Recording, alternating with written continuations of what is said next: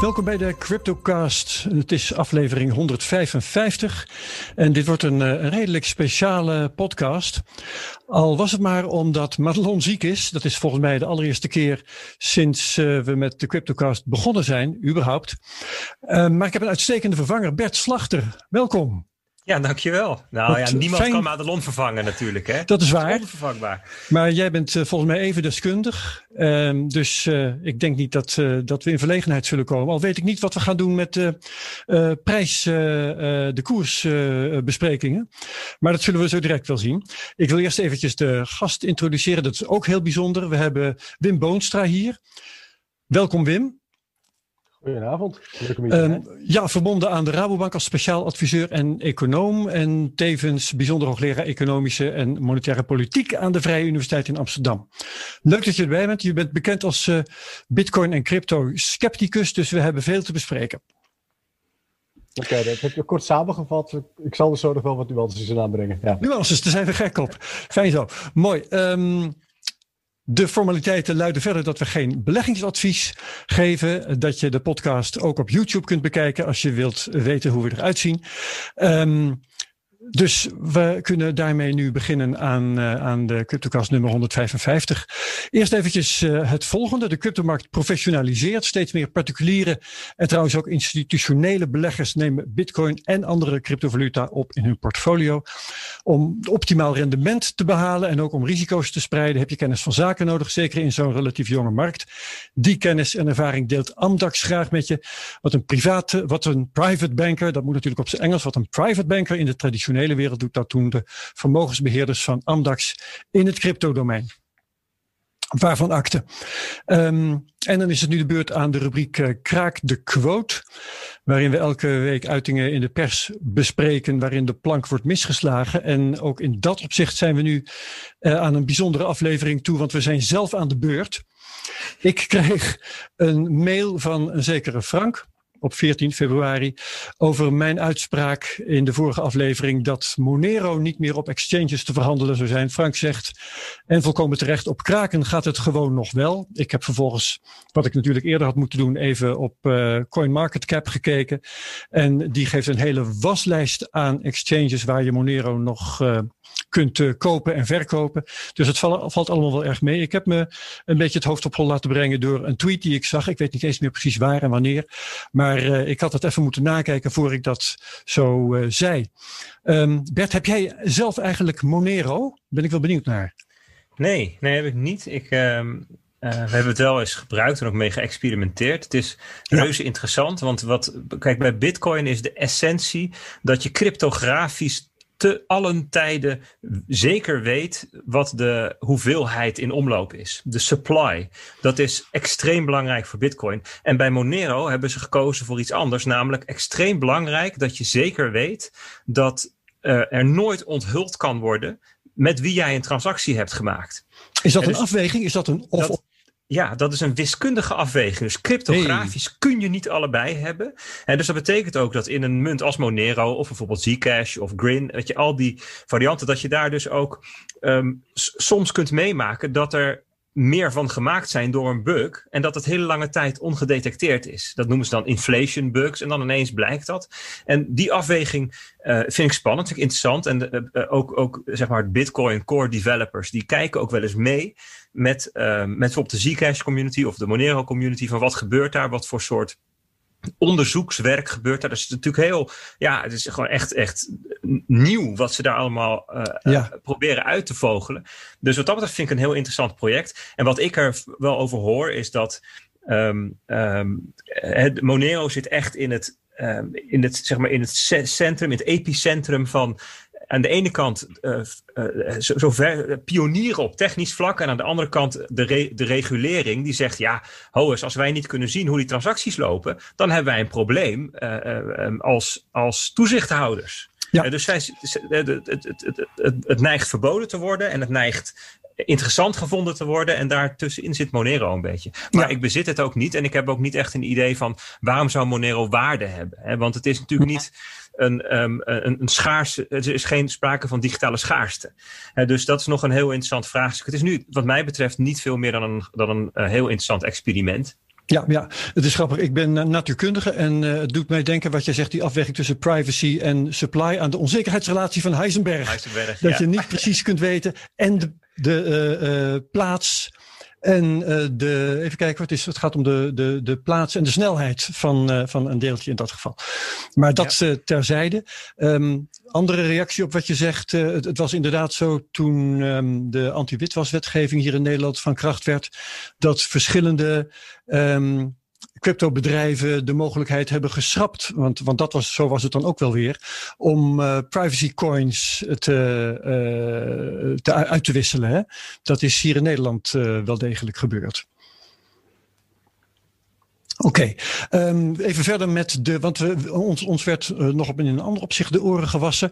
Um, ik kreeg een uh, tweet van verschillende kanten, maar onder andere van Luke Andries, over het feit dat we van Chainlink uh, hadden gezegd dat dat een van de coins is die op Ethereum lijkt en met Ethereum concurreert. En dat is ook al fout. Uh, ik word gecorrigeerd.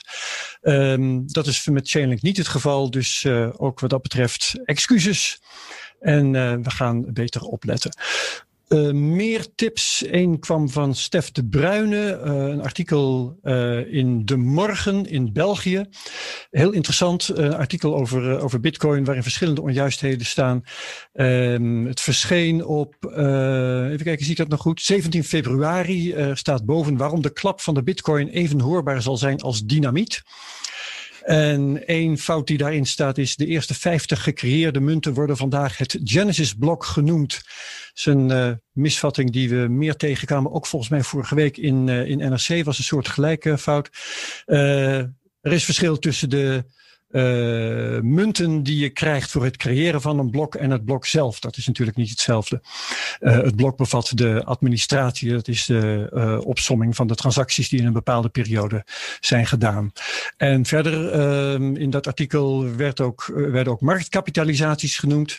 235 miljard euro voor de, alle cryptocurrencies samen. Terwijl het tegenwoordig boven een triljoen is. En ja. Uh, ja, het is sorry, je hebt gelijk ja. Bert, het is trillion in het Engels en dat is dan biljoen in het Nederlands, omdat ze in Amerika het miljard niet kennen. Uh, dat klopt. En uh, de marktkapitalisatie van de bitcoin werd gegeven als 150 miljard euro.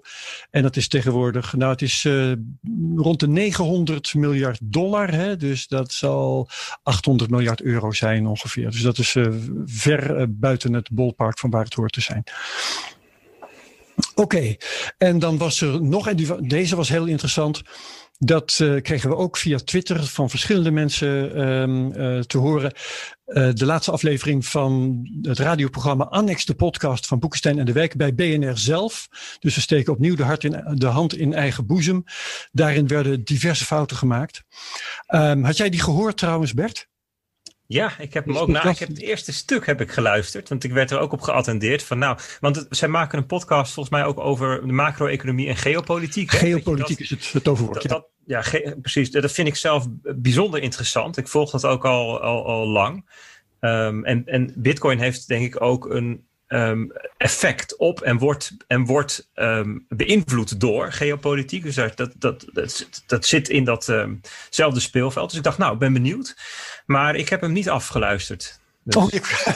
ben uh, af, halverwege heb ik. Uh, en om welke reden was ja. dat? Ben ik er dan benieuwd naar? Nou, kijk, er, er was dus een expert ge, bij ge, gevraagd om, um, om daar wat over te zeggen. En die ja, expert zei zelf: Ja, ik heb er eigenlijk niet zoveel verstand van. En hij zei ook van ja, weet je, wij economen vinden het eigenlijk überhaupt een beetje onzin met Bitcoin. Dus toen dacht ik, ja, weet je, als dat de expert is, ja, um, dan, uh, dan wordt het hem niet. En uh, dus, dus ja, toen, toen, uh, toen ben ja. ik wat anders gaan doen. Wim Boonstra, had jij deze podcast toevallig gehoord met, met je collega Han de Jong erin? Nee, die, die heb ik niet gehoord. Maar ik ken Han de Jong wel als een hele goede econoom trouwens. Ja, dus, uh, hij, is een keer ja, te, ja. te gast, hij is een keer te gast geweest in de Cryptocast. Toen hebben we het met, met hem gehad over Modern Monetary Theory. Ja. En uh, dat was een heel interessant uh, gesprek. Dus uh, luisteraars die dat nog een keer willen horen, die kunnen even zoeken op de site van BNR bijvoorbeeld om die podcast terug te vinden. Maar nou, de vergissingen die daarin werden gemaakt, er waren er in elk geval twee bij van Han de Jong zelf.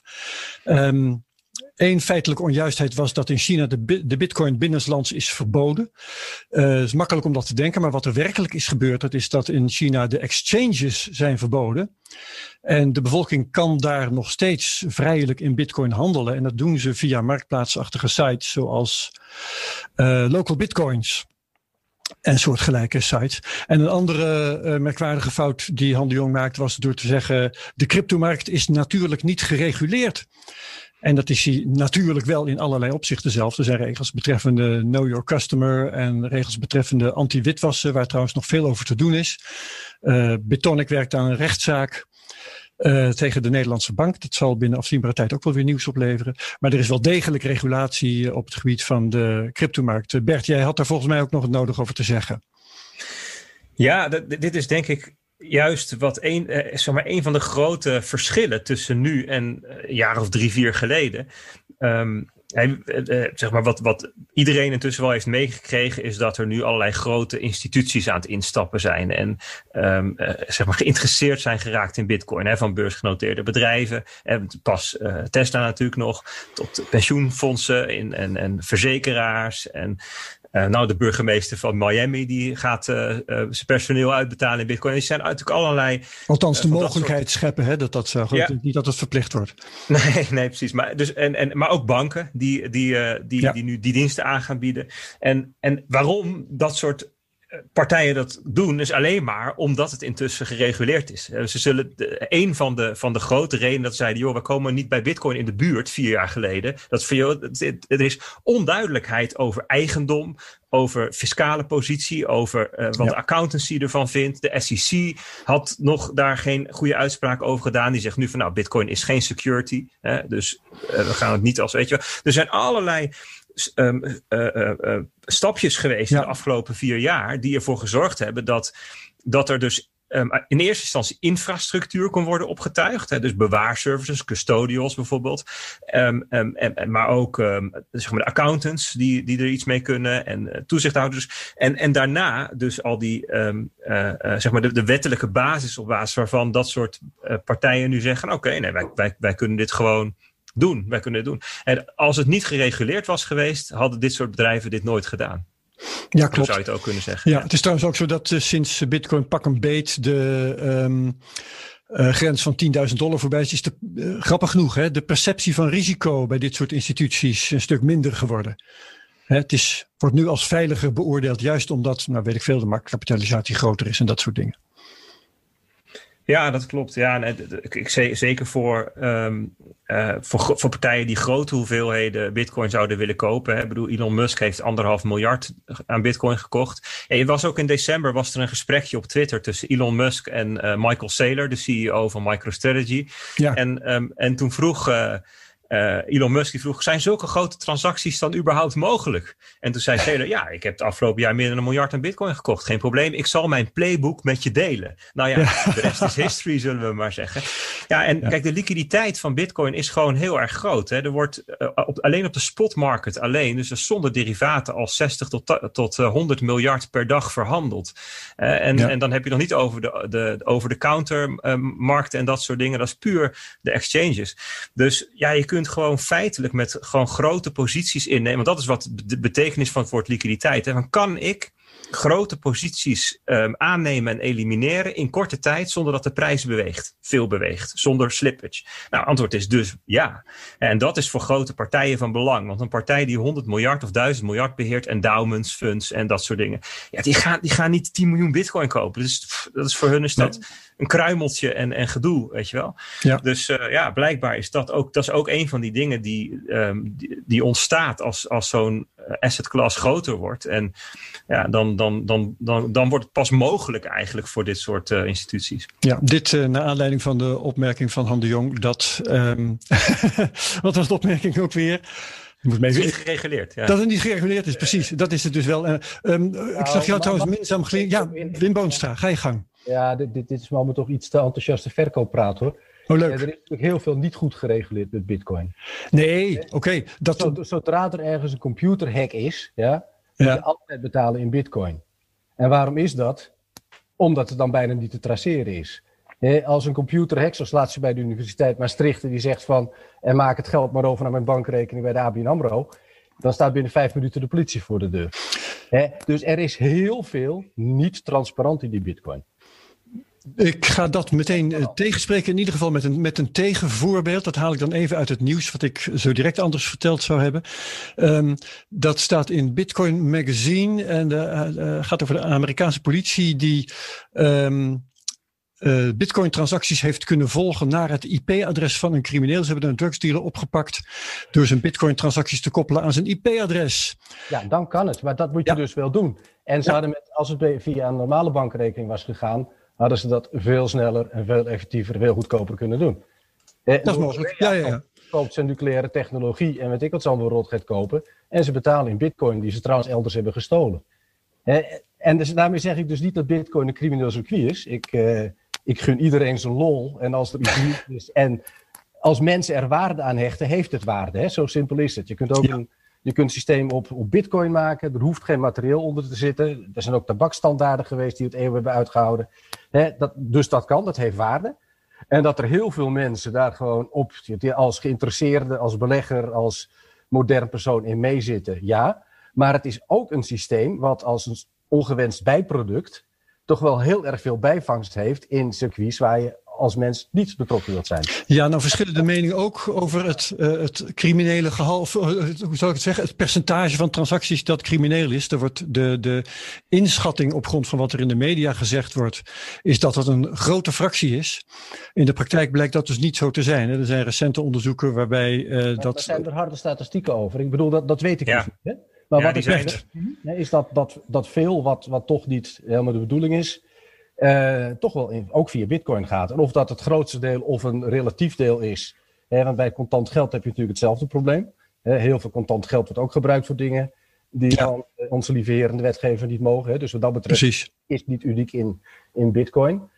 maar ik vind dat dus zelf wel een van de de zwakke kanten van het fenomeen Bitcoin. Ik denk dat je het zo kunt samenvatten dat de, alleen de allerdomste en de allerslimste criminelen nog uh, in Bitcoin, met Bitcoin werken.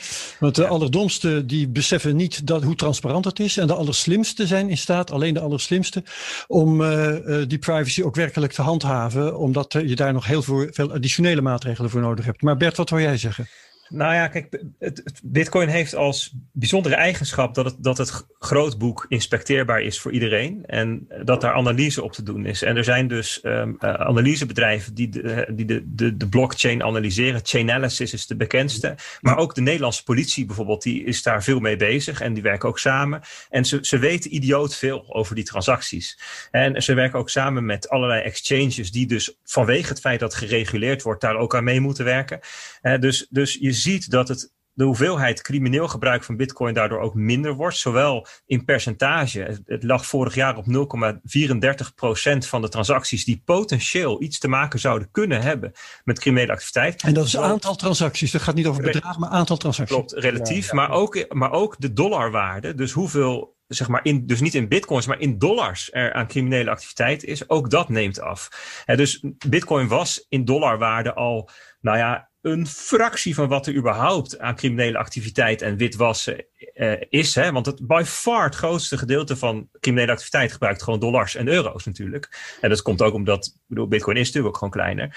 Maar ook relatief en in absoluut neemt het af. Omdat, ja, weet je, criminelen komen er ook achter dat, je, dat het eigenlijk bij Bitcoin veel beter te volgen is dan zij zouden willen. Het is namelijk niet anoniem, het is pseudoniem. En dat ja, is. Pseudoniem, ja. En dat, en dat is natuurlijk, um, dat, is, dat is precies de reden, al net even over Monero. De reden ook dat, ook dat daar ook weerstand tegen is om, om, om op dat niveau privacy in Bitcoin aan te brengen. Want ja, dan, dan kom je inderdaad op het punt dat iedereen maar kan doen wat hij wil. En dat, is, dat kan nu niet, precies omdat het gereguleerd wordt. Ja, dus alle fiat on- en off-ramps worden overzien enzovoort. Ja. Ik stel voor dat we even naar de prijzen gaan kijken, voor zover het ons lukt zonder Madelon. Um, Bert, mag ik jou eens het woord geven? We hebben natuurlijk allerlei records gehad de afgelopen nou ja, week, hè, want de, vorige week hadden we Madelon nog. Dus wat ja. zie jij gebeuren? Um, wat vind jij belangrijk om te vermelden op dit moment? Ja, nou ja, kijk, Madelon is natuurlijk onvervangbaar. Laat ik daarmee beginnen, hè, voordat we ruzie krijgen met luisteraars. maar, um, maar kijk, als we even, even naar het plaatje van dit jaar kijken, dan zien we dat we begin januari uh, is de koers naar iets boven de 40.000 dollar gestegen. Uh, bijna 42.000 dollar. Daarna is er een periode geweest waarin uh, we een correctie hebben gezien ja. naar ongeveer 30.000 dollar. Hè, dus daar is iets van vijf, kleine 25 procent um, is daarvan afgegaan. Voor iets meer dan 25 procent. En, en daar heeft een hele lange tijd heeft het in die, in die regio uh, is, is er gehandeld. En opmerkelijk genoeg, hè, want Elon Musk heeft natuurlijk bekendgemaakt, of Tesla, van we hebben voor anderhalf miljard bitcoin gekocht, maar dat hebben ze aangekocht in januari. Hè? Dus ze hebben alleen maar ja. bekendgemaakt dat ze het al gekocht hadden. Hè? Ja. Het, was een, een, het, was een, het was een rapport, wat, wat zij bij de SEC, nou, ze hebben overigens niet eens een persbericht uitgebracht. Ze moeten gewoon elke uh, rapporteren aan de SEC en daar stond dat in. Uh, dus zij hebben ja. dit gekocht in de periode dat die prijs stabiel bleef. Dus dat, ja, dat het was zelfs een dalende trend. Hè? Dus, dalende trend.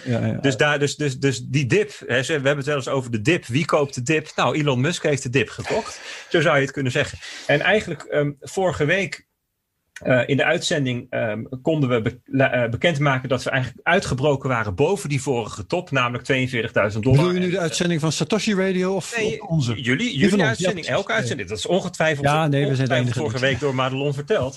dat we naar 48.000 zijn gegaan. En, um, en daarna is het redelijk stabiel en ietsjes langzaam gaan stijgen. En deze week is het datgene gebeurt wat velen voor onmogelijk hebben gehouden tot nu toe. En dat is namelijk dat de koers boven de 50.000 dollar ligt. Ja. Um, en um, nou ja, de, de, de, de, de, er zijn natuurlijk allerlei mensen geweest in het verleden die hebben gezegd: joh, Bitcoin hartstikke grappig, maar um, over een jaar is het dood. Um, en een van die mensen is Pieter Schiff. Die zegt: één ding kan ik je garanderen, wat nooit gaat gebeuren, is dat Bitcoin ja. 50.000 dollar waard wordt. Nou, die, dat punt zijn we dus nu, uh, nu gepasseerd. Um, en er zijn en, mensen die hebben weddenschappen op afgesloten dat als het 50.000 is, dat Pieter Schiff zou instappen. Hè? Maar dat is een. Uh, ja, ik denk ja, en, en, en, en, een volgende stationnetje is, en daar zit heel dichtbij, dat is eigenlijk 53.000. Uh, 750. Denk je, wat is dat nou voor vreemd getal? Ja. Nou, als je dat getal vermenigvuldigt met het aantal bitcoins wat op dit moment in omloop is, dan kom je op um, 1 biljoen dollar. 1 trillion ja, USD. Trillion. Ja, ja, en dat is natuurlijk wel uh, ja, toch een soort van mijlpaal. Hè? Dat, je, dat je een asset bent of een asset class. Weet je, afhankelijk van of je bitcoin als uniek ding ziet of als onderdeel van crypto. Maar van, van, van, een, uh, um, van een biljoen. Ja, dan ben je geen uh, um, verwaarloosbaar percentage meer van de marktkapitalisatie, marktkapitalisatie van goud. Dan, moet je het, dan, moet, dan kunnen we het in ieder geval niet meer het speelgoedmuntje van nerds noemen. Dat, dat kunnen we in ieder geval wel mee stoppen, dan denk ik. Uh, Wim Boostra, ik zag jou in het hele betoog van uh, Bert uh, een keer hartelijk lachen en daarna weer ernstig kijken. wat, wat zeg jij van die waardeontwikkeling van Bitcoin van de laatste tijd? Ja, kijk, ik, ik doe geen voorspellingen daarin wat betreft de prijs. nee. Kijk, in, in begin is bij alles zeker want uiteindelijk is het toch in zijn totaliteit van de financiële markten relatief klein. En als het dan populair wordt, dan kan de prijs heel erg hard omhoog gaan. Dat blijkt ook. Uh, kan ook heel lang voortduren. Uh, en daar heb ik eerlijk gezegd ook helemaal niet zoveel uh, bezwaar tegen of, of opinies over. Nee. Maar waar ik wel altijd op aansla, dat zijn juist de hype-verhalen van jongens, allemaal in bitcoin en word rijk. Zeg ik van ja, uh, slaap het rijk worden, dat is voor sommigen onder ons misschien weggelegd. Maar uiteindelijk moeten er gewoon ergens goederen en diensten worden geproduceerd.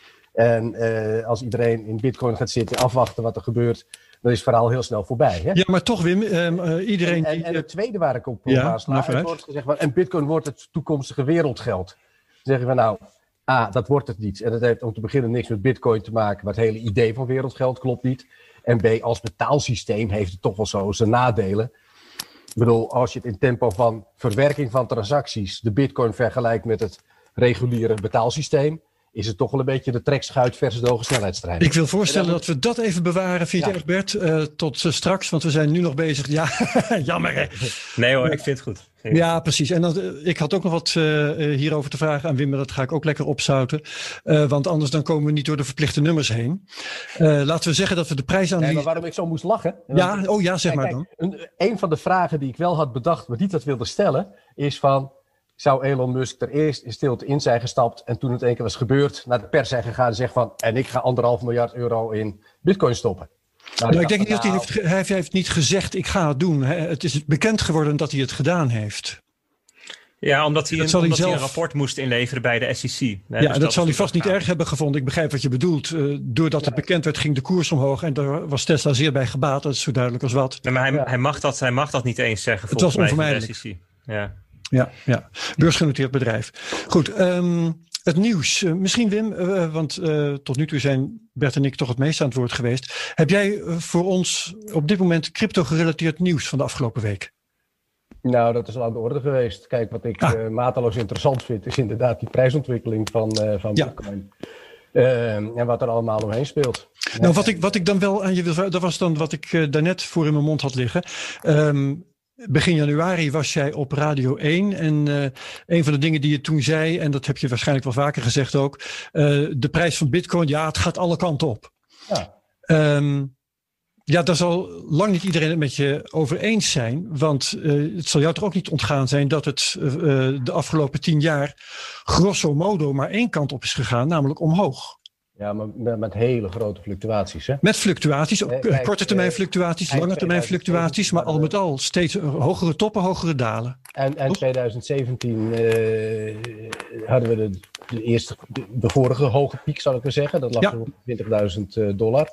Nou, toen zijn er heel veel mensen ingestapt die vervolgens een paar hele beroerde jaren hebben gehad. Die nu uh, op winst staan. Ja, als ze er nog in zitten. Ja, zeker. Dat, ja, maar toen van die mensen die, je hoorde van die verhalen van mensen die alles, eh, werkelijk alles hadden verkocht om op bitcoin te stappen. Maar Wim, jij weet toch ook dat de AEX nu pas het eh, niveau benadert van de 2000? Ja, maar kijk, ik weet ook dat een AEX, uh, en ik ben, A, ik ben geen aandelenanalist en B, ik heb best wel mijn twijfels vanuit monetair optiek bij de huidige prijzen. je ziet de nodige bubbels op de obligatiemarkt, op de ik zie ze wel. Mhm. Maar uiteindelijk uh, zal een aandeel in de beurs kan nooit naar nul gaan.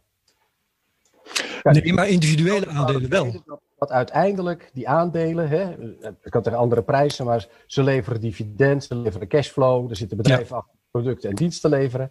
En dat zit onder de bitcoin niet. De bitcoin kan in theorie naar nul gaan. Hij kan in theorie ook naar een miljoen gaan. Ja, maar individuele aandelen, Wim, zei ik, eh, die kunnen wel degelijk naar nul gaan. Ik heb een lijstje ook voor je gemaakt.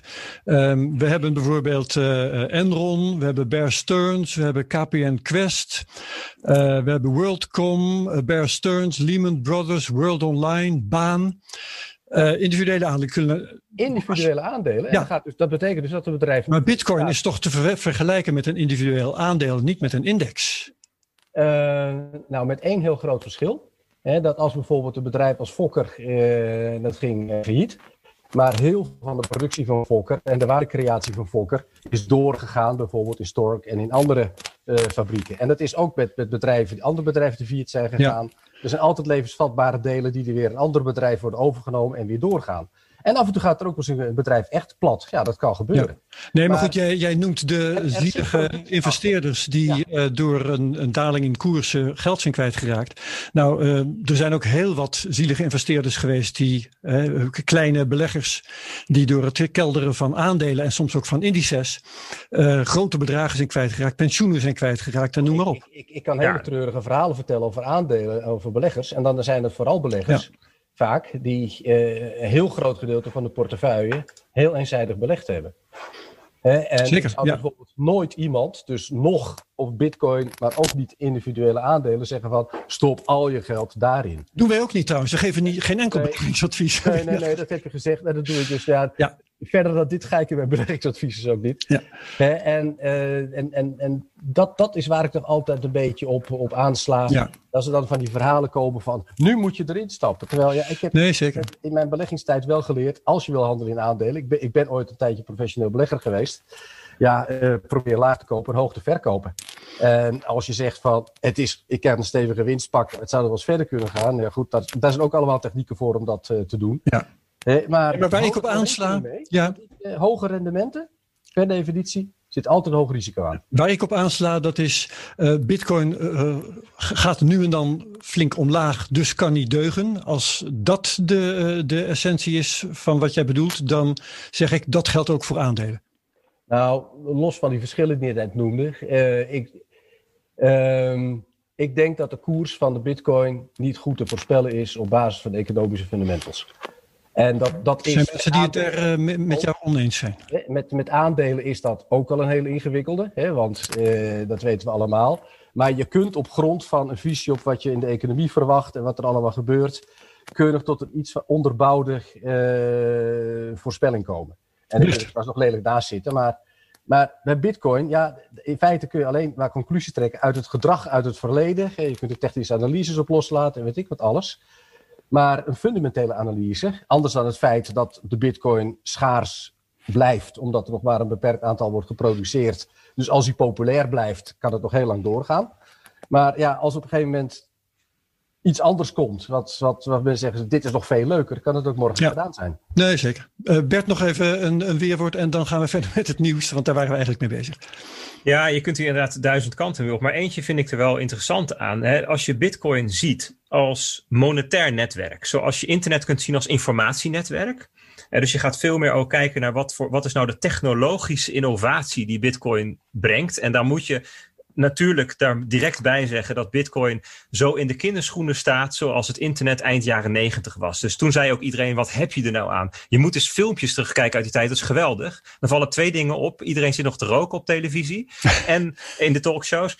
En, um, en ze hebben het dus over internet, mailtjes sturen. Je kunt toch ook een aanzichtkaart sturen? Waar is dat nou? Weet je wel? En internet was toen duur twee, drie gulden per minuut lees ik op in het archief van Herbert. Die schreef toen al columns. Ja, vijf gulden zelfs. je moest een modem van 600 euro kopen. Het was traag, het was onhandig. Kijk, en Bitcoin, daar zitten nu ook scherpe randjes aan. En maar als je kijkt naar het monetaire netwerk wat Bitcoin uh, natuurlijk onder water is. Um, en um, dan, dan en wat bij netwerk meteen opkomt als, als concept is het netwerkeffect. Um, en netwerkeffect zegt dat iets wordt nuttiger voor de gebruiker naarmate meer mensen het gebruiken. Hè? Dus um, directe netwerkeffecten zijn bijvoorbeeld als je mobiele telefoon hebt. Daar heb je niets aan als er niet minstens één andere ook eentje heeft. Hè? Want anders kun je niemand bellen. In, eh, een, auto heb je wel wat aan als iemand anders geen auto heeft. Maar een auto wordt ook nuttiger als veel mensen auto's hebben. Want dan komen er namelijk wegen en benzinepompen en stoppen, weet je, alle dingen, garages. Um, en dat geldt voor Bitcoin ook, hè, voor netwerken. En um, er is dus een heel strak verband tussen het, het aantal gebruikers en de koers. En Metcalfe's Law, de wet van Metcalfe, die, die omschrijft dat verband. En dat, dat, dat lijkt Bitcoin aardig te volgen. Dus dat vind ik wel een interessant als je zo. Je zegt net verder, er is eigenlijk geen fundamental die een zinnige uitspraak zou kunnen doen over de ontwikkeling in de toekomst. En denk, nou, misschien zou dit er eentje kunnen zijn. Dus als je zegt van nou, als meer mensen het gaan gebruiken, waarbij je bij gebruiken kunt denken als ermee sparen, dus gewoon bezitten, of, of ermee betalen, of um, uh, ermee een um, fascistisch regime omzeilen, of wat voor soort gebruik je dan ook wil, um, uh, er diensten opbouwen, dat daarmee ook de, de waarde stijgt. En dat, is, de, dat verband schijnt dus wel, uh, wel vrij strak te zijn ook. Ja. Zal ik even uh, jou de gelegenheid geven, nu je toch bezig bent, Bert, om uh, met je nieuws te komen? Ja, ja, is goed. Ja, dankjewel. Ja, ik zag een um, nieuwtje op Coindesk uh, over um, Coinbase. Coinbase is een Amerikaans handelsplatform, een exchange, die um, onder andere hebben zij geholpen bij MicroStrategy en, en Tesla om die aankoop te doen. Dus daar zo'n soort partij. Ze hebben eh, zij, zij zijn van plan om een beursgang te, te, te, te doen binnenkort, een IPO. Um, ehm, en zij zijn, het, het nieuwtje was, ze zijn gewaardeerd op 77 miljard dollar. Zo. Um, dat was, ja, dat, dat, dat, dat, dat was een uh, half jaar geleden was de verwachting dat het nog veel lager zou zijn, maar het is nu 77 miljard dollar. Zij hebben 43 miljoen klanten wereldwijd. Dat wist ik ook niet. 100 landen zitten ze. Ja. 80 miljard dollar onder beheer. Um, ze hebben maar 1200 medewerkers. Maar ja, je kunt, er, je kunt daar natuurlijk bitcoin kopen en de, he, ermee sparen en handelen en versturen enzovoort. Maar je hebt ook gewoon een creditcard. En daarmee kun je gewoon betalen met je bitcoin. He, en um, ja, die, die, die, die waarde, die, die beurswaarde die straks zou hebben, maakt het bedrijf gewoon waardevoller op de beurs qua market cap dan BNP Paribas of dan de Deutsche Bank of dan ja, ABN AMRO. Of Uber, om een ander voorbeeld te noemen. Ja, dus dat is wel op zich opvallend dat dit, uh, dat dit gebeurt. En nou ja, wat, om dingen even in de context te plaatsen. Hè, in Amerika ehm, zie je meer cryptobanken ontstaan of bitcoinbanken. Hè. PayPal um, is natuurlijk ook feitelijk een bitcoinbank geworden. Ze, hun gebruikers kunnen daar bitcoin kopen en verkopen en straks ermee betalen. De Cash App, dat is de concurrent van uh, PayPal. En Venmo is een andere concurrent. Cash App heeft 60 miljoen gebruikers. Venmo heeft 70 miljoen gebruikers. Um, JP Morgan heeft maar 60 miljoen rekeninghouders. dus die, die, die nieuwe banken daar, die, die, die dus ook allemaal eigenlijk nu zeggen: wij gaan ook dingen doen met Bitcoin. Ja, die, die, die, die bedienen meer klanten dan die traditionele banken. Dus daar is een heel interessante uh, verschuiving aan het plaatsvinden. En nou ja, goed, dan heb je het over die fintech-bedrijfjes. Dus uh, bedrijfjes, maar PayPal en zo. Nu zijn het dus crypto-bedrijven die zeggen: Nou, wij gaan, wij gaan een beursgang doen. En wij worden ook een bank. Want in Amerika hebben ze natuurlijk de laatste half jaar allerlei uitspraken gedaan over wat banken mogen. Dus ze mogen crypto bewaren voor hun klanten. Ze mogen stablecoins gebruiken om waarde naar elkaar te verplaatsen. Er zijn natuurlijk allerlei uh, stapjes geweest. Dus ik vind ja, wat dat betreft, um, dit, dit past heel goed in het plaatje. Wat we in Amerika het laatste jaar zien, is dat er een, een hele sterke verschuiving is van, joh, we moeten niks ervan hebben, naar we om, omarmen het. En uh, een hele interessante ontwikkeling dat dit soort bedrijven nu eigenlijk um, uh, uh, de kant op schuiven van waar traditioneel de grote banken zijn. Salonveeg ja. worden, zou je kunnen zeggen. Ja. Ja, ja, ja. Um, Oké, okay, ik heb zelf nog twee berichtjes. Daar kan ik kort over zijn hoor.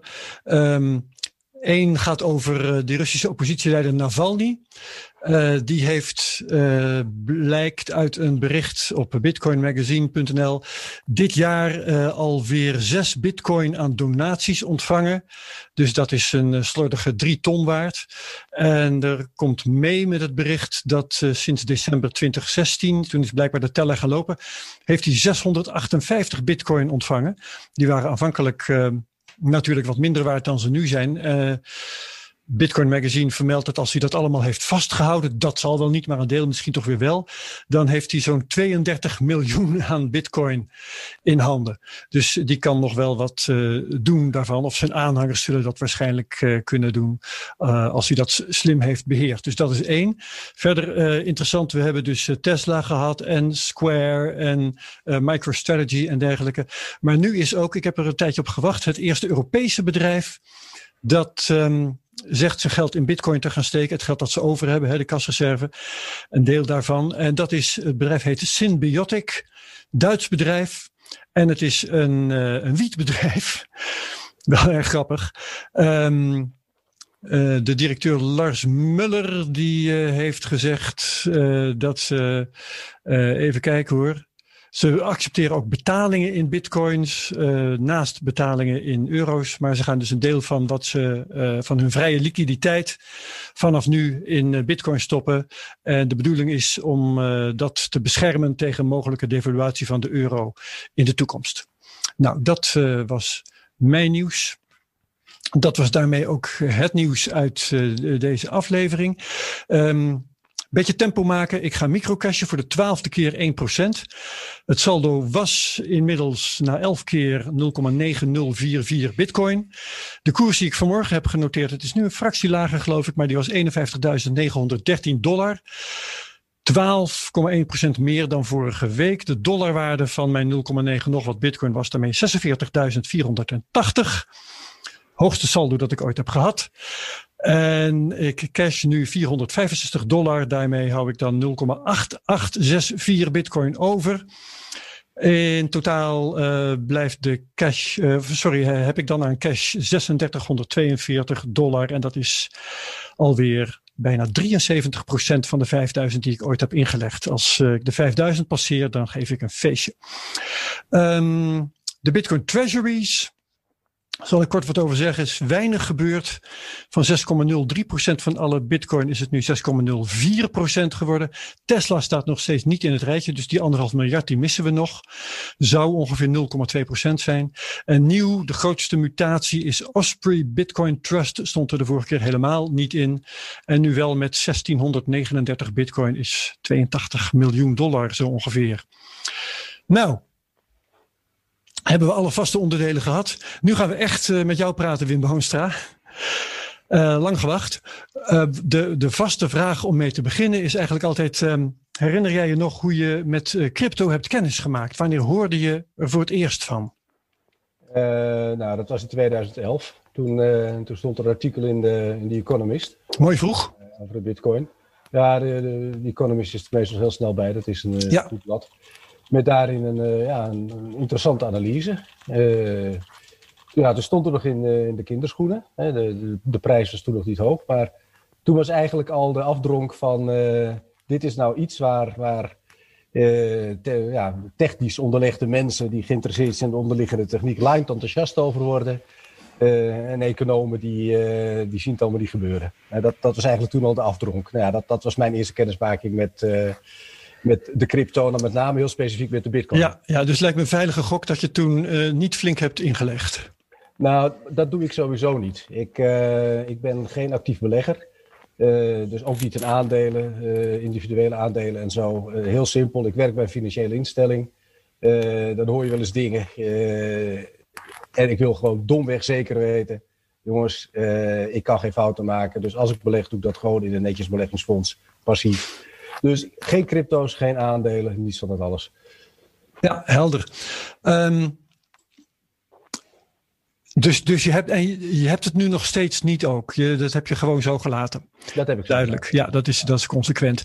Um, als jij uh, je in de media over crypto uitlaat, dan is het meestal uh, zeer sceptisch. Je hebt er nu al het nodig over gezegd, dus, dus we weten het ongeveer. Maar kun je nog even samenvatten wat jouw bezwaar tegen of het je probleem met crypto precies is? Nou, het, het is niet zozeer een, een probleem met crypto, maar meer een probleem met, uh, met hypes. Uh, ah, ja ik kan me nog heel goed herinneren dat, dat begin van, uh, van dit decennium. Uh, toen was opeens een nieuwe economie. Alles is anders. Uh, als econoom moest je er maar aan wennen dat waterfontaan omhoog stroomt in plaats van naar beneden gaan. En toen had ik een hele boeiende discussie. Ik ga niet zeggen met wie. En ik zei van, kijk, er gebeuren dingen die heel interessant zijn. Dus die technologieën die nu komen, die blijven. En dat geloof ik bij, bij, bij DLT geloof ik dat ook. die blijft. Maar het wil niet zeggen dat die bedrijven die er nu op dit moment de hype mee aan slingeren, dat die er over een tijdje nog zijn. Nou, en dat zag je toen een beetje gebeuren, hè, want in de tijd werd ook het einde van de banken al, al voorspeld. Dat gebeurt eens in de tien jaar. En wat je zag gebeuren, dat is dat banken, het internetbankieren, heel snel hebben overgenomen, als het ware. Dat die pure internetbanken vrij snel kapot waren. Een enkeling is overgenomen door een reguliere bank en bestaat er nog als een, als een label van een, een mutual in Engeland of zo. Ja die technologie blijft. En dat vind ik met, in feite nu met, met Bitcoin ook. Die blockchain was natuurlijk een, een majeure uitvinding. Dat is een ongelooflijk goed doordacht. Er zijn natuurlijk sinds de Bitcoin er is alweer heel veel nieuwe blockchains. We, alle banken, dus ook de Rabobank, zitten niet stil. We hebben ook een innovatielab, mensen die er heel goed naar kijken, precies weten wat er allemaal gebeurt. En die weten, die wijzen me er ook wel op. Ja, kijk, er zijn gewoon inmiddels al bepaalde eh, DLT-varianten die een aantal van de vermeende nadelen van Bitcoin een lange breed hebben ondervangen, die veel grotere volumes aankunnen, waarbij die pseudonymiteit zo kunt inrichten dat toezichthouders wel degelijk makkelijk zicht kunnen houden op wat er gebeurt. dus je ziet dat die technologie zich voor een deel al in, uh, aan het settelen is. Er zijn al banken die gewoon dingen op basis van DOT voor klanten aanbieden. de vraag is, gaan we straks met z'n allen in bitcoin betalen? Ja, dat denk ik dus niet, om de eenvoudige reden dat er zijn redenen, hele goede redenen, er zijn Nobelprijswinnende artikelen over geschreven, waarom landen of bepaalde gebieden een eigen munt hebben. Dus het hele idee van een wereldmunt strookt niet met de economische theorie, zal de bitcoin ook niet worden.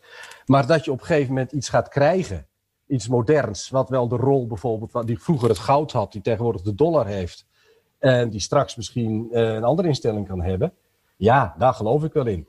Toen, toen Libra werd gelanceerd, uh, denk ik dat ik de, veruit de eerste in Nederland en een van de eerste ter wereld was, die direct zei van dit wordt systeemrelevant. Dit is groot, omdat hier technologische innovatie, die ik overigens maar voor een deel kan, kan overzien, maar daar heb ik dan mijn collega's voor, en de economische invulling ervan naadloos op elkaar aansluiten. Ik heb toen nog gezegd van als, als ze nu slim zijn met IMF, dan nemen ze die Libra over. De samenstelling van Libra plakken ze op de SDR.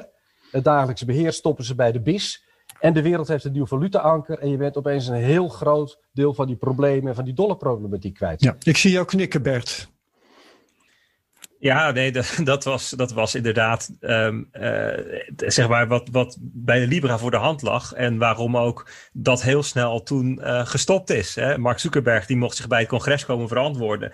En uh, de Franse minister van Financiën die zei: This may not happen, this cannot happen of zo. Hè? Dus bij Libra hebben ze eigenlijk toen meteen gezegd: Dit gaan we nu even niet zo doen. Want want en dat, dat hebben ook al die centrale banken wel gezegd van ja, dit is, wij moeten hier iets mee. Hè? Dus dat, het idee van er is blijkbaar behoefte aan een digitale uh, munt. Hè? Dus, dus we gaan ook met digitaal centrale bankgeld gaan we experimenteren, CBDC's. En ja, ik vind het interessant um, dat je dit zo zegt, want um, um, ja, van de BIS en van, van het IMF en dergelijke hebben we eigenlijk toen niet een gecoördineerde actie gezien. Eigenlijk alleen maar tegengas. Nee, kijk, het, het probleem van het IMF, is, het IMF is natuurlijk een hele trage, door en door politieke organisatie. Uh, dus dus dit, was, dit was een idee. Ik heb, het, ik heb het ook verspreid. Ik heb nog wat persdekken her erbij gehad in de wereld. Uh, maar direct, ja, gaat dit gebeuren? Nee, hoogstwaarschijnlijk niet. En het is heel erg jammer. Ja. Uh, wat, ze, wat ze bij Libra wel hebben gedaan, is natuurlijk Libra 2.0, dat vorig jaar kwam. Dat ze dus het oorspronkelijke Libra aanvulden met nationale stablecoins. Ja, de dus, naam is nu Diem geworden, hè? De dingen heet nu ook Diem, ja. ja. En, uh, en, wat, en wat je ziet, daar is waar de centrale bank op zijn aangeslagen.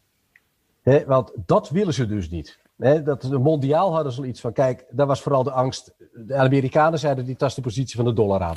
Gelijk hebben ze, en het moet ook een keer gebeuren zeg ik ook als econoom. Dus, dus uh, dat, dat Donald Trump erop aanslaat, dat groot compliment voor, voor Facebook, zou ik maar zeggen. Maar dat was voorspelbaar. Maar voor andere landen was dat op dat moment nog niet zo'n grote bedreiging. Maar op het moment dat, uh, dat ze gaan komen met een, met een euro-diem en een sterling-diem en een dollar-diem. Ja, dan, dan treed je rechtstreeks, vinden de centrale banken, in de monetaire autonomie van de centrale bank. Ja, nou, ja, ja, ja, Dat heeft, ze waren natuurlijk al langer bezig hè, met central bank digital currency, want zo nieuw is dat niet. In Finland hadden ze het al in de jaren negentig, uh, voor hele andere redenen. Ze hebben het later geprivatiseerd trouwens.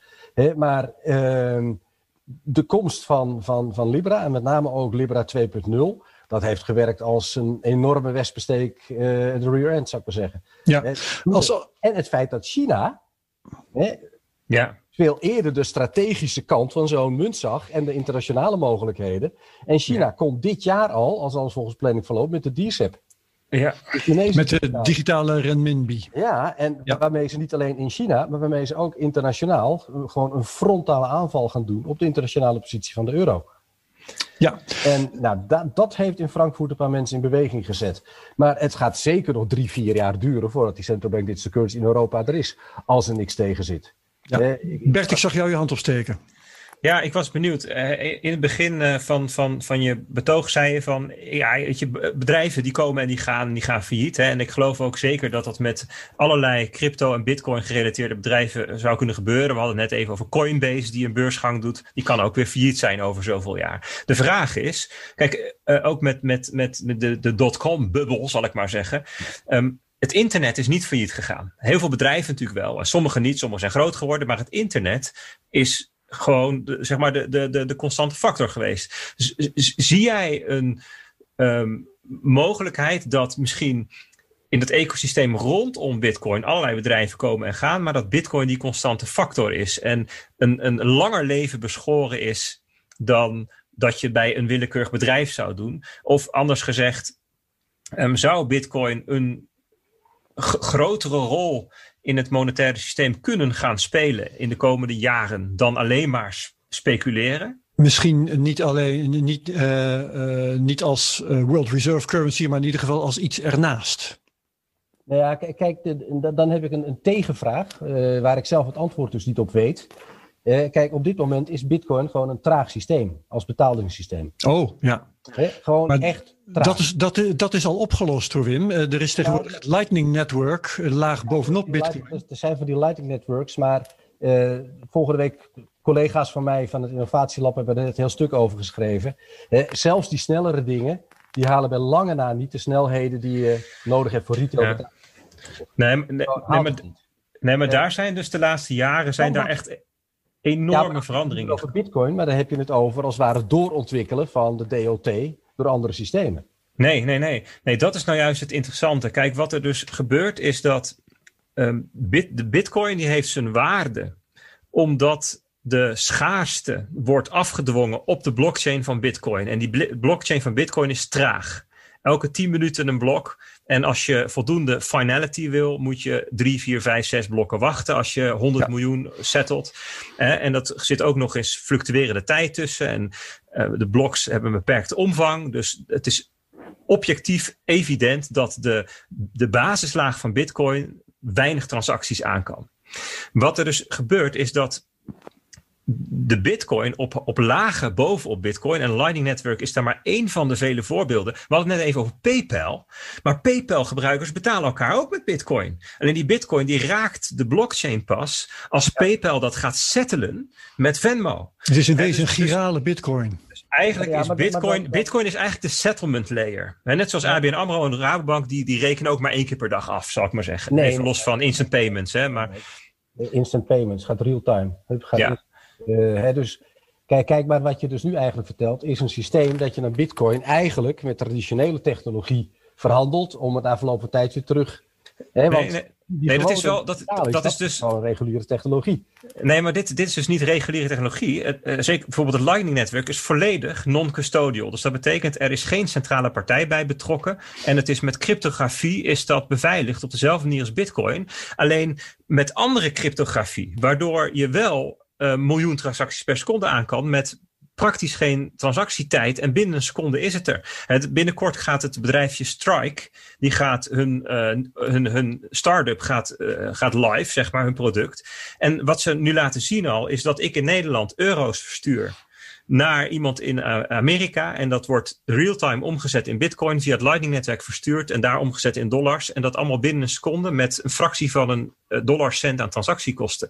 En dat, dat is zonder centrale partij, zonder dat je iemand hoeft te vertrouwen. Dus kijk, dat bedoelde ik ook net met, je moet Bitcoin ook zien als het internet in de jaren negentig. Dus het is nu nog het, uh, ruw en rauw. Maar je ziet dus nu allerlei dingen opkomen. En, en voor, de, voor iemand die niet ingewijd is, is het als een soort van verrassing. Is het er ineens? Kan dit nu ineens ook? Ja, dit kan nu ineens ook. En, en, en dus je zou eigenlijk nu kunnen zeggen dat binnen 1, 2 jaar kun je bitcoin transacties doen die binnen een seconde er zijn, uh, met praktisch geen transactiekosten, zonder centrale partij en uh, met dezelfde veiligheid um, als de basislaag. En de settlement vindt plaats op de basislaag. Dus dat is de techniek, hoe, hoe, hoe ver we daar nu mee zijn. Verandert dat de zaak? Ja. nou ja, kijk. Um, ja, laat ik zo zeggen, als dit zo is, laat ik vanuit gaan dat jij hier veel meer verstand van hebt dan ik, uh, dan, dan is dat natuurlijk een majeure ontwikkeling.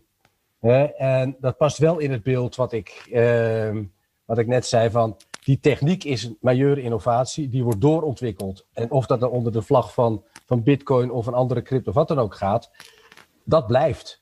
Uh, of dat uiteindelijk ook in retailbetaling gaat worden toegepast, dat zal helemaal afhangen van uh, uh, ja, ten, ten, eerste of het qua snelheid uiteindelijk inderdaad ook in het echt blijkt te kunnen. Hè? Dat, dat, en gewoon ook of het makkelijk is en dat soort zaken. En of het makkelijk is en of de toezichthouders het toestaan. Ja. Hè, want uiteindelijk uh, is, is natuurlijk. Um, iedereen houdt van privacy, maar iedereen houdt ook van een stuk uh, veiligheid. En daar, daar moet je een, een evenwicht in zien te vinden. En als zolang dat er niet is, of als de toezichthouders gaan denken van jongens, dit gaat uiteindelijk onze monetaire controle op de economie uh, ondermijnen, ja, dan, dan grijpen ze gewoon in. Eh, ik heb daar een heel mooi voorbeeld van. Ehm, dat was niet met crypto, maar wel met lokaal geld. In Oostenrijk, eh, tijdens de crisis van de jaren 30, daar had een lokale burgemeester een eigen monetair systeem uitgedacht, samen met de lokale Raiffeisenbank. Um, en dat heeft die hele economie uit de crisis geholpen. En allemaal dorpen uit de omgeving wilden ook mee gaan doen. En uit de hele wereld, Ernest Hemingway is er nog geweest, Irving Fisher heeft erover geschreven. Die gingen kijken wat gebeurde daar in vredesnaam in het plaatsje Wurgel. Waar opeens de hele economie begon te bloeien omdat ze daar een geldsysteem hadden wat dus een snelheid extra opjoeg. Nou, tot de Oostenrijkse Centrale Bank. Uh, die zei van ja, maar hoor eens even, dit tast ons in onze autonomie aan. En in dit geval heel verdrietig zijn naar de rechtbank gegaan, hebben nu gelijk gekregen. En onder dreiging van ingrijpen door het leger is het gestopt. En binnen twee jaar was het dorp weer terug in de, in de depressie. maar, maar dat geeft wel, het is een extreem voorbeeld. En in dit geval echt heel bedroevend. Omdat het, je zou eerlijk kunnen zeggen, van, wat leren wij hiervan voor de rest van het land. In plaats van er zo bovenop zitten. Want weet jij ook wat de eigenschappen waren van dat monetaire systeem dat het zo succesvol was? Uh, het, het verloor automatisch zijn waarde. Dus uh, het, het was geld wat iedere week een procent aan waarde verloor, behalve als je het uitgaf. Klinkt als dus de velocity was heel hoog. Ja. ja de, de, de, velocity was heel hoog automatisch. Ja. Dus, de, dus de velocity was kunstmatig, werd dat opgestuurd. En dat was, dat was in, in, in dat plaatsje Wurgel dus een enorm succes. En prachtig, prachtig verhaal. De burgemeester die zei van jongen, tegen de ondernemers, jullie mogen je belasting aan ons ermee betalen.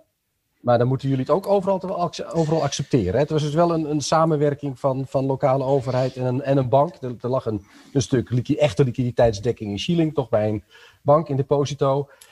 En het was een doorslaand succes. En tot op de dag van vandaag kun je bepaalde stukken infrastructuur die plaats zien waar staat van dit is gebouwd met vrijgeld. Mooi. Maar, maar, maar dat, was dus een fantastische manier om bestedingen te stimuleren eigenlijk. Maar het was dus niet zo'n heel briljant geld om mee te sparen. Hè? Dus als je zeg maar zoiets wil van de, de waarde toe. Kijk, en dat is natuurlijk met de, het, het verhaal van Bitcoin is nu wel een beetje voor veel mensen van. Um, kijk, huizen die, die worden elk jaar 7, 8 procent duurder. Maar mijn spaargeld Um, dat, dat blijft hooguit nominaal constant en reëel verliest het zijn waarde. Dus als ik geen huis heb, dan ik kan daar, ik kan daar niet tegenop werken. Ik moet iets, weet je wel. En het idee van Bitcoin dat al twaalf jaar lang elk jaar gemiddeld hè, 200% omhoog gaat, dat is natuurlijk voor mensen aantrekkelijk. Um, en dat staat helemaal tegenover het vrijgeld, wat, elk, wat zei je, elke week, wat was het? 1%. Als een week per week. Ja. Nee, maar, maar weet je, je raakt hier wel aan een heel interessant punt. Hè? Want dat vrijgeld, was op dat moment het goede ding om te doen. Want het probleem was dat geld niet rolde.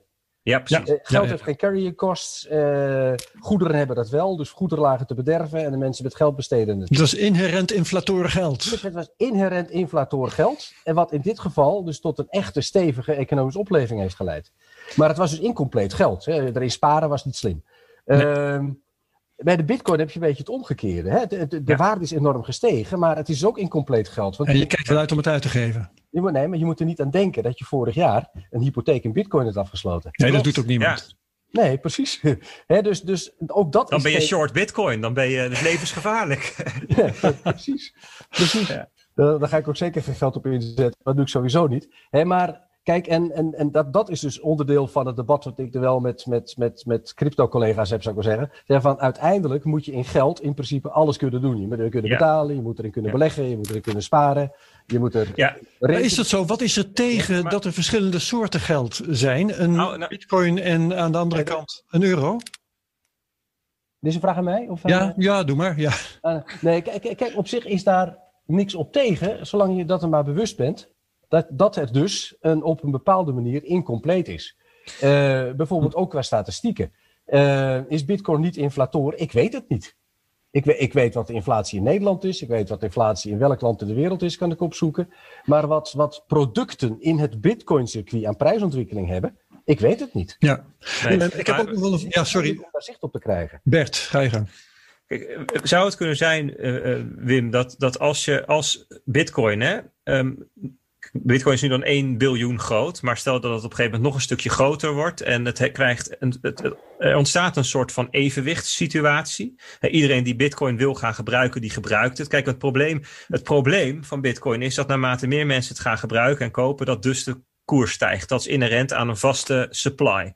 dus dat zal ook gebeuren als in de toekomst er meer adoptie is. daar komen we niet onderuit. Maar er zou een moment kunnen zijn dat dat het een bepaald evenwicht heeft bereikt met, met andere monetaire goederen. Of dat nou uh, aandelen zijn, of, of obligaties, of, of fiat geld, of wat dan ook. En bedoel jij met evenwicht, Bert, dat, dat, dat, dat, de waarde niet meer uh, structureel stijgt? Dat de waarde dus niet meer stijgt door toenemende adoptie. En dan, zou het, dan zou het bitcoin als geld vollediger kunnen worden, omdat je, het, het is zo stabiel dat je erin kunt prijzen. Dus het zou de unit of account functie kunnen hebben. En, het, en je kunt er dan ook mee betalen in de zin van, en, en mee lenen, omdat je niet meer dat risico loopt. Zou dat, zou dat kunnen? Of zeg je, nee, dit is zo'n belachelijk idee, dan moeten jullie verder... Ja, nee, kijk, dat was eigenlijk een beetje een van de redenen waarom ik zo enthousiast was over Libra. Uh, omdat de Libra een, een, een redelijk voorspelbaar uh, gedrag kan hebben. Uh, ik heb het in de tijd vergeleken, inmiddels alweer vergeten, maar we hadden voordat we de euro hadden, hadden we de EQ. Ja. Dat, dat was ook een valutamand.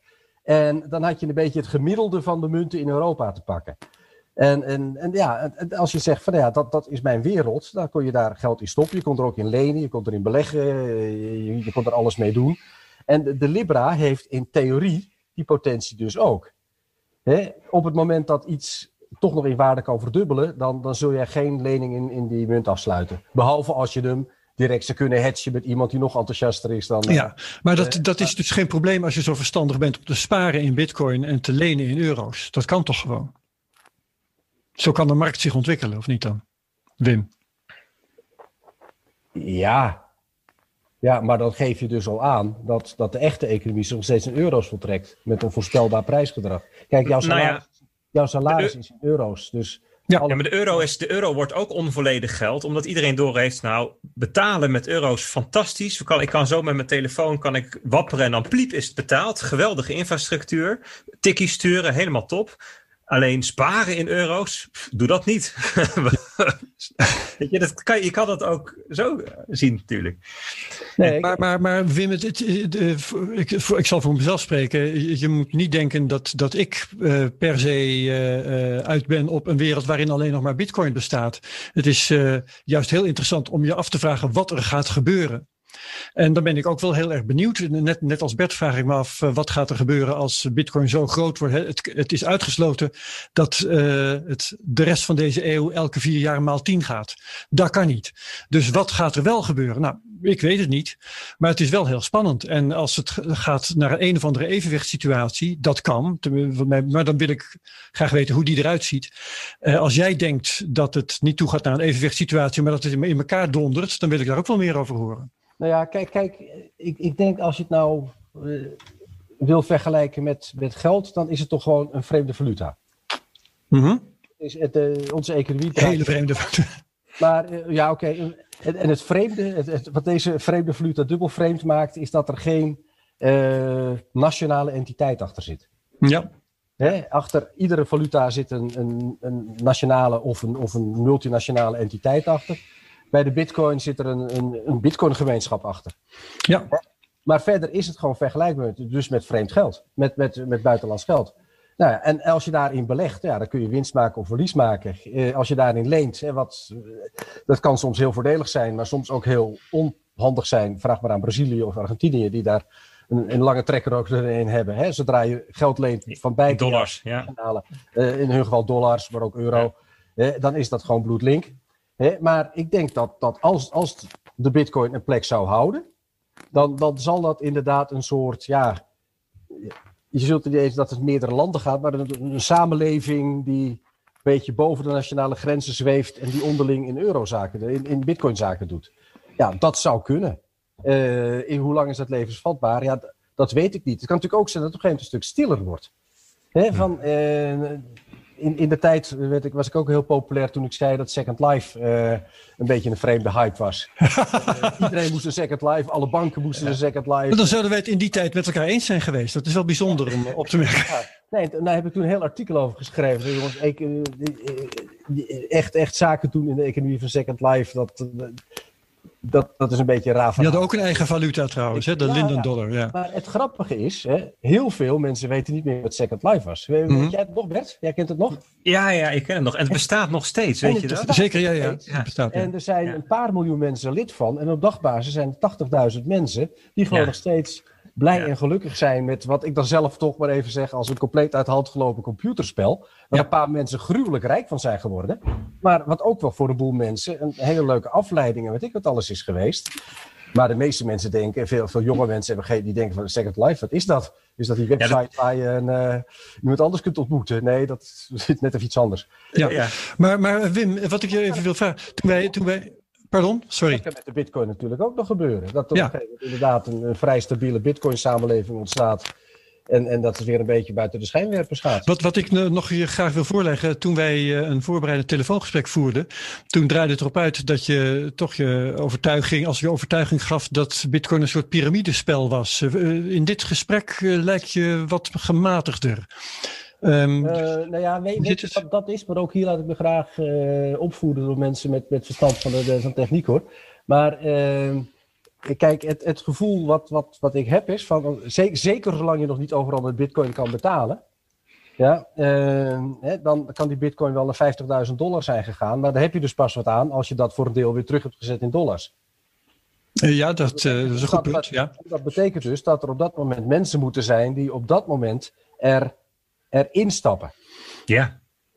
En, en daarmee heeft het inderdaad wel wat karakteristieken die, uh, die, die piramidespellen ook hebben. Laat ik het neutraal op. Ja, ik, ik, ik noem dat een markt, want dat geldt ook voor huizen en, en aandelen. Als je van de euro of dollarwaarde wilt profiteren, dan zul je ze moeten verkopen. Moet iemand anders ze kopen? Dat is toch hetzelfde? Dat geldt, geldt voor elke store of value, toch? Nou ja, ja en nee. Uh, kijk, uh, een, een waarde van een aandeel kan ook groeien, omdat het bedrijf wat erachter zit winst maakt. Uh, ze produceren, ze winnen marktaandeel, ze worden groter en de waarde van het aandeel groeit. En, maar op het Jawel. moment dat je hebt een vaste stok en de enige manier om die te verzilveren is door iemand anders te vinden om erin te stappen, dat is toch wel wezenlijk anders. Kijk, mijn woning, uh, ik, ik, ben heel erg old school daarin. Een, een, woning moet je niet zien als een belegging, een woning moet je zien als een plek om te wonen. Punt. Uh, en, en wat de marktwaarde daarvan is, wordt pas interessant op het moment dat je wil verkopen. Of uh, als je er niet meer bent voor je nageslacht. En, en verder ja. uh, word ik niet warm of koud voor de prijs van mijn huis. De maandlasten zijn interessanter. Maar, maar blijkbaar kun je dus vandaag voor 52.000 dollar één bitcoin verkopen. En daar zijn kopers voor, blijkbaar. Ja. Want er wordt nu voor ongeveer 100 miljard per dag ja. spot, dus gewoon puur bitcoin, dus los van leverage, verhandeld. Um, en daar zijn, daar zijn dus net zoveel kopers als verkopers. Dat is die nee, van de handel. Nee, dat, dus, nee, dat blijkt. Dus die liquiditeit is er nu. En in behoorlijke ja, nee, mate zijn dat bedrijven die toch echt wel nou weten. weten. Wat ik nou zou willen weten, is wat mensen die een goede rit in Bitcoin hebben gemaakt op dit moment doen. En wie de mensen zijn die erin stappen. Ja, precies. Nou, dat kun je dus. Het hele aardige van Bitcoin is dat je dat dus ook best wel goed kunt zien. Omdat je die blockchain kunt analyseren. En we weten ook welke uh, wallets van exchanges zijn. Dus we kunnen zien wat voor Bitcoin er naar exchanges toe gaat en daar dus verhandeld wordt en er weer van afgehaald wordt. Mm -hmm. En dat, je kunt bijvoorbeeld zien hoe groot die wallets zijn. Dus zijn het mensen die uh, 0,1 bitcoin hadden of die 1000 bitcoin hadden? Zijn het mensen die die munten al zeven jaar hadden of pas een maand? Uh, dat soort dingen weten we allemaal. Dus we weten wat voor soort bitcoin bezitters er aan het verkopen of aan het kopen zijn. Zijn dat grote of kleine partijen? En zijn dat oude of jonge holders? Nou, er zijn allerlei van dat soort dingen uh, die je weet. Dus, dus dit soort dynamieken, daar, daar, daar weten we dingen van. Um, um, ja, ik, ik daaraan kan je bijvoorbeeld zien dat Bitcoin steeds beter verdeeld wordt over een groter aantal mensen. Dat, dat, hè, dus, ja, is dat zo, Bert? Want ik had de indruk dat omdat al die grote bedrijven instappen, dat juist de, de whales, de grote bezitters, de, de grote Bitcoin-bezitters in aantal toenamen. Ja, dus, dus, Heb dus, dus zeg maar, de, de, oude, de, de, oude whales, zeg maar, dus de mensen die in 2014 1000 of 10.000 bitcoin kochten, die zijn dus nu aan, wat, aan, wat aan het afbouwen. En dat ja. gaat dan naar allerlei andere mensen, onder andere naar die bedrijven. Maar bij veel van die grote, eh, bijvoorbeeld Grayscale is een van de grootste bitcoin bezitters, maar dat is een fonds die weer tienduizenden of honderdduizenden ja. klanten heeft die, dat, die daar een stukje van hebben. Het is ja, eigenlijk dat zie je ETF. overigens niet op de blockchain, hè? dat weet je alleen toevallig omdat dat weet je, je omdat je weet welke wallets van Grayscale zijn. En zoals ik benoemde net, Coinbase. Coinbase heeft een hele hoop bitcoins op zijn balans, maar die zijn van 43 miljoen klanten. dus op die manier Um, uh,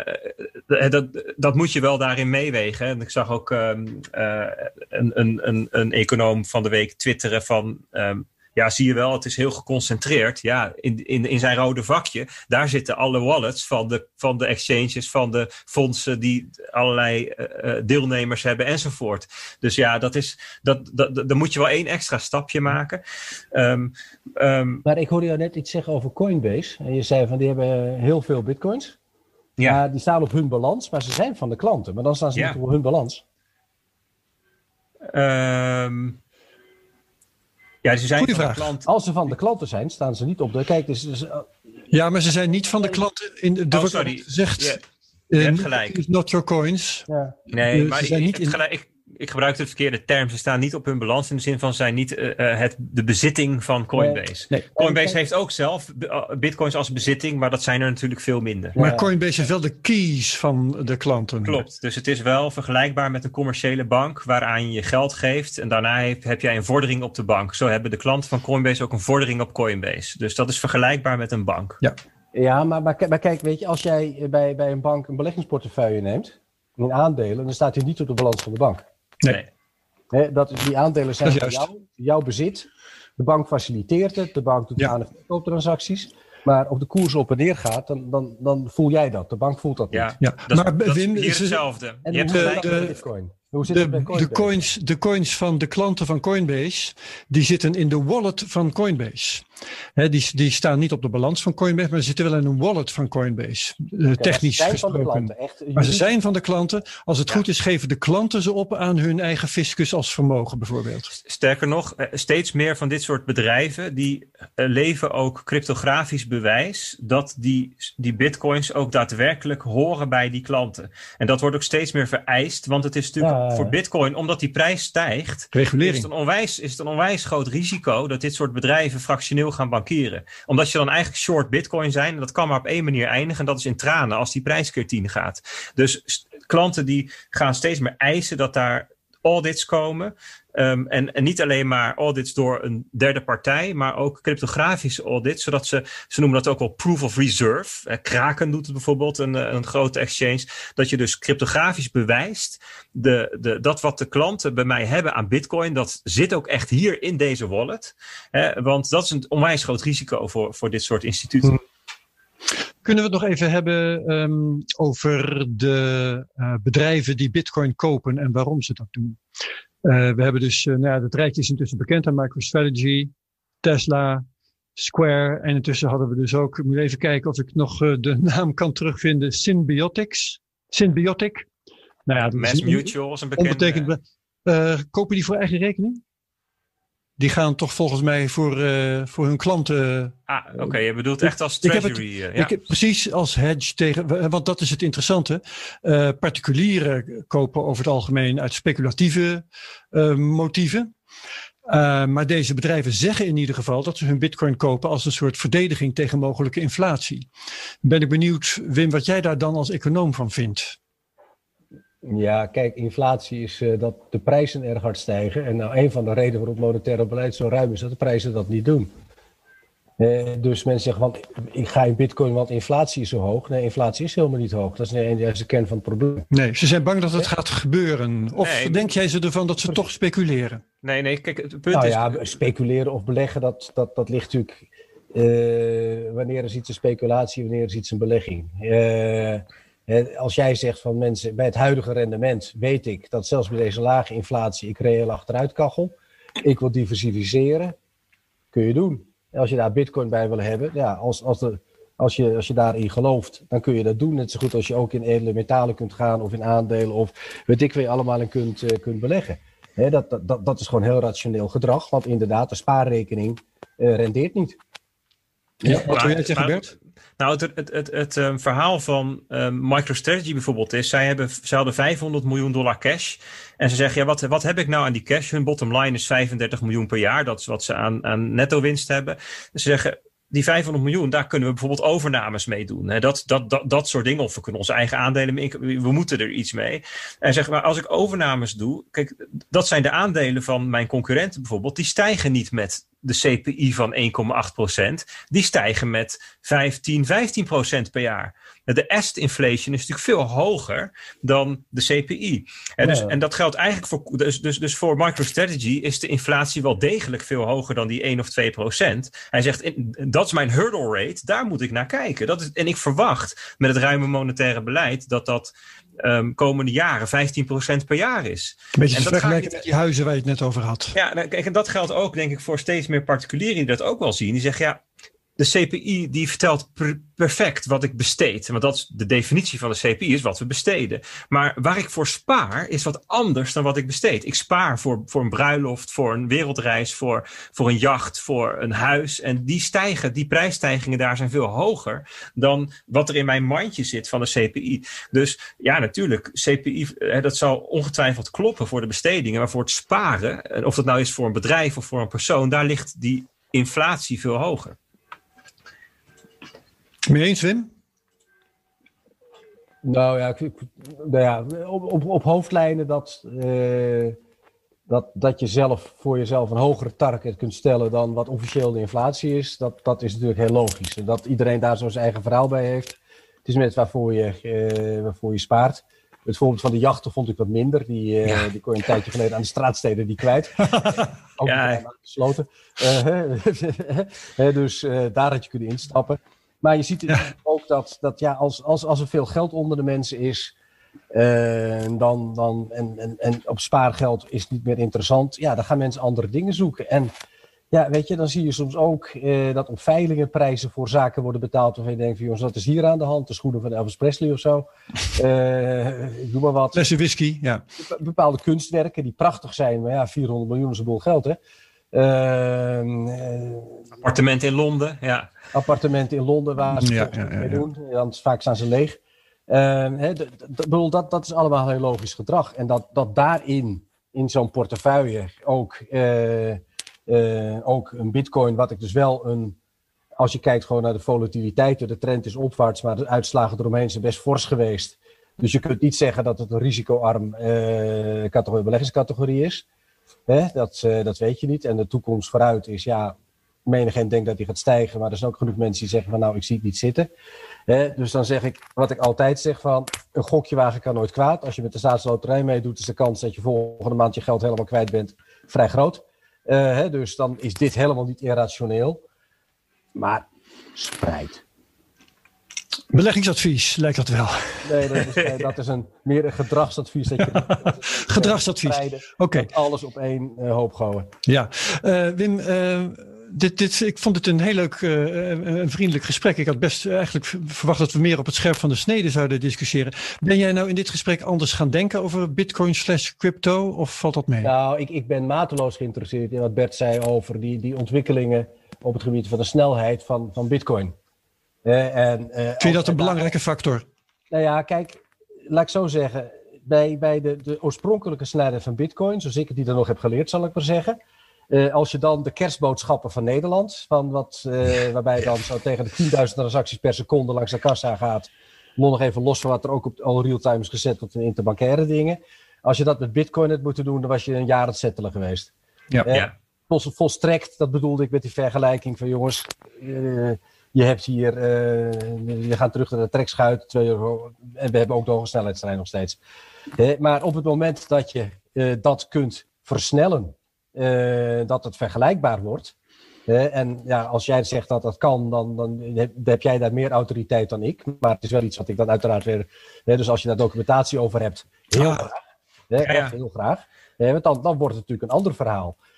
Die reguliere technologie staat natuurlijk ook niet stil. De, nee. die, die, Chinese CBDC, ja. die draait op ouderwetse, op reguliere betaaltechnologie. Dat is geen, uh, geen DLT. De clearing bij de centrale bank wel, maar het retailstuk hè, in, de, in de tussenlaag. En het gaat straks met 300.000 transacties per seconde. Nou, en, en, dat, uh, dat, dat, en ze hebben nu al een systeem wat 100.000 transacties per seconde aanpast. En dat is dus gewoon real life. Gewoon wat, wat, wat ze in China al mee dealen. Hè? Nou ja, in dat soort categorieën moet je denken. Uh, en, en op het moment dat dat met een blockchain kan worden bereikt, uh, blockchain technologie, door wie dan ook bedacht verder. En als het kan op een manier dat de toezichthouder zeggen van dit vinden wij zeer aanvaardbaar. Ja.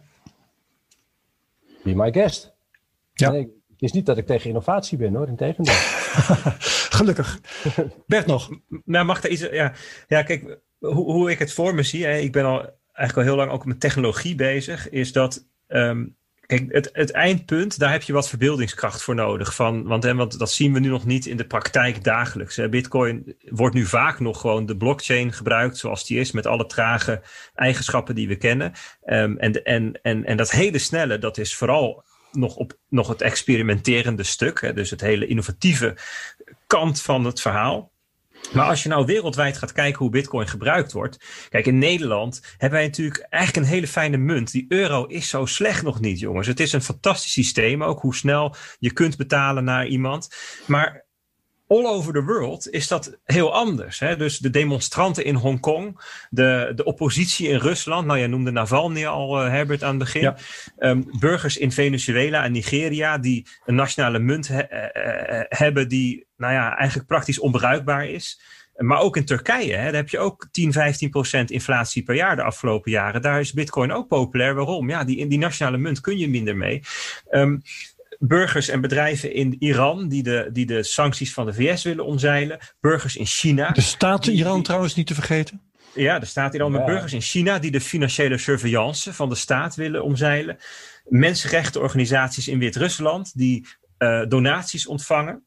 Wikileaks. Voor, voor, voor, Wikileaks, voor, voor, dat soort partijen is het niet zo erg dat het nu even iets trager is of iets meer gedoe. Dus afhankelijk van hoe goed het financiële systeem is waar je in zit, um, uh, heb je ook andere um, uh, zeg maar bereidheid om gedoe te accepteren wij hebben niet zoveel bereidheid om gedoe te accepteren. Dus in Nederland gaan we niet zo heel snel betalen met bitcoin. Want wij, wij, ja, voor ons is de standaard het draadloos, contactloos betalen met je oh. mobieltje Apple Pay. Ja. Pinpas.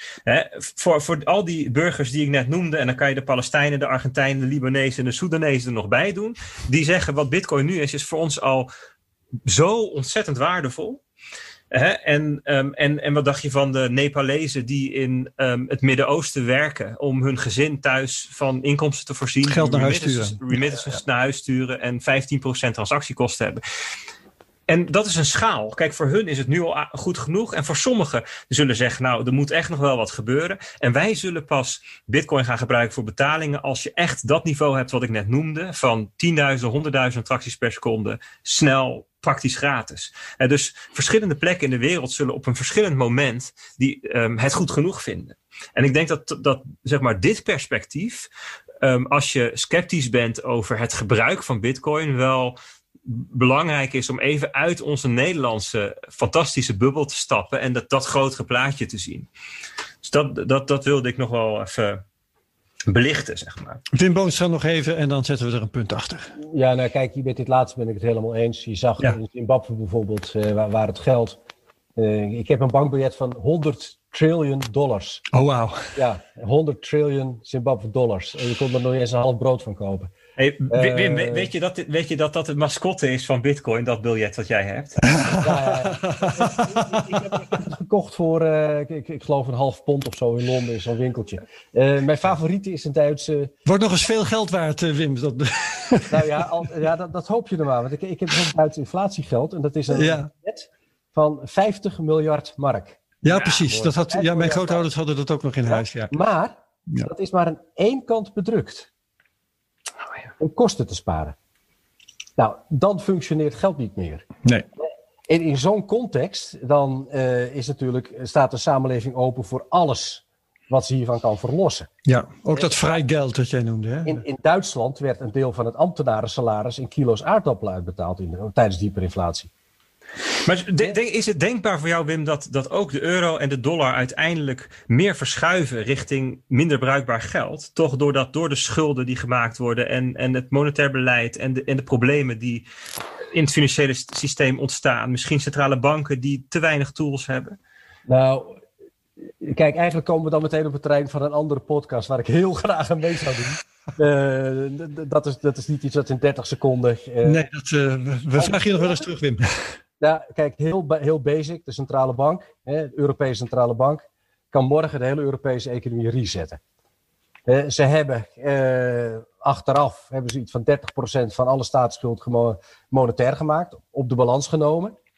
Als we morgen zeggen we jongens, dit zetten we om in een eeuwigdurende obligatie met 0% rente. Oh ja. En die houden we tot in lengte vandaag op onze balans. Dan is die schuld niet meer relevant voor de landen die de schuld hebben uitgegeven. En we kunnen over tot de orde van de dag. Dat is toch wat KLM is overkomen? Uh, KLM is overkomen? Nee, nee, Ik dacht dat die schuld van het KLM uh, eeuwigdurend was verklaard. Maar... Nou ja, kijk, je kunt eeuwigdurend schuld hebben, maar eeuwigdurende schuld tegen 0% rente. Hè? Heb ik het over. Oké, okay, okay, dat is nog, nog net weer iets anders, ja. ja maar dat kan de centrale bank gewoon doen. En dan kunnen alle landen eigenlijk opnieuw beginnen. En waarom doen we dat dan niet? Ja, technisch kan het. Is het verantwoord in de huidige context? Ja, want het geld dat op de centrale bank balans staat, is al lange breed uitgegeven en roleert al lange breed in de economie. Het enige is dat je de terugaflossingsverplichting tot nader order opschort.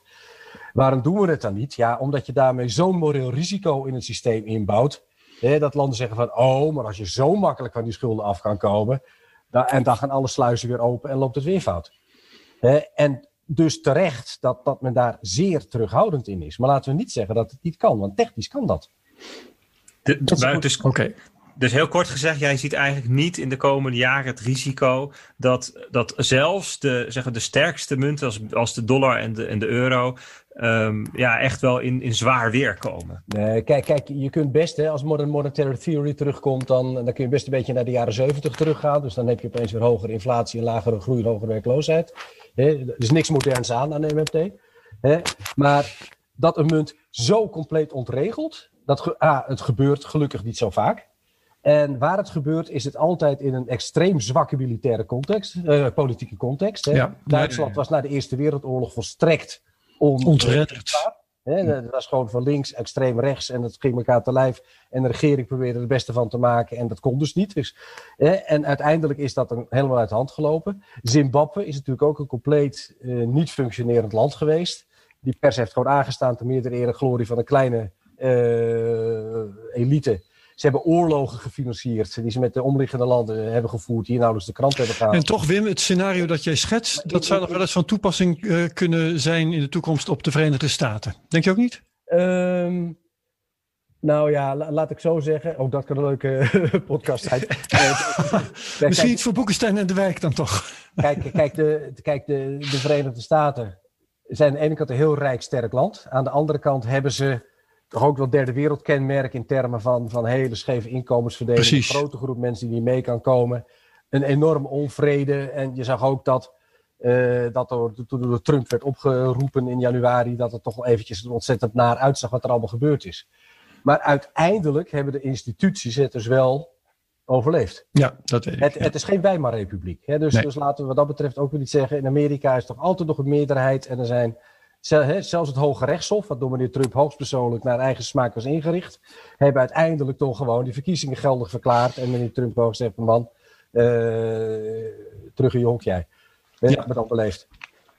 dus nee, dat, die kans acht ik niet zo groot. Maar dat de Verenigde Staten het Verenigd Koninkrijk van 100 jaar geleden is. Dus dat die dollar op enig moment ook een afkabbelende positie gaat krijgen. En dan is het maar de vraag hoe de wereld er dan uitziet. En de Chinezen weten precies hoe ze willen dat die wereld eruit ziet. Dat er een ja. over de ja, ja, ja. ja, zal ook niet snel gebeuren. Het heeft het pond ook 50 jaar gekost voordat die positie was afgekalfd. Dus uh, hè, zo, zo, zo duurde het wel. Maar dat er over 100 jaar de wereldeconomie er heel anders uitziet met een ander valuta-anker en zo. Ja, en dan hoop ik maar dat het een beetje stabiel is, want dat gun ik mijn kleinkinderen van harte. Ik zou zeggen, want dan zijn we allemaal dood.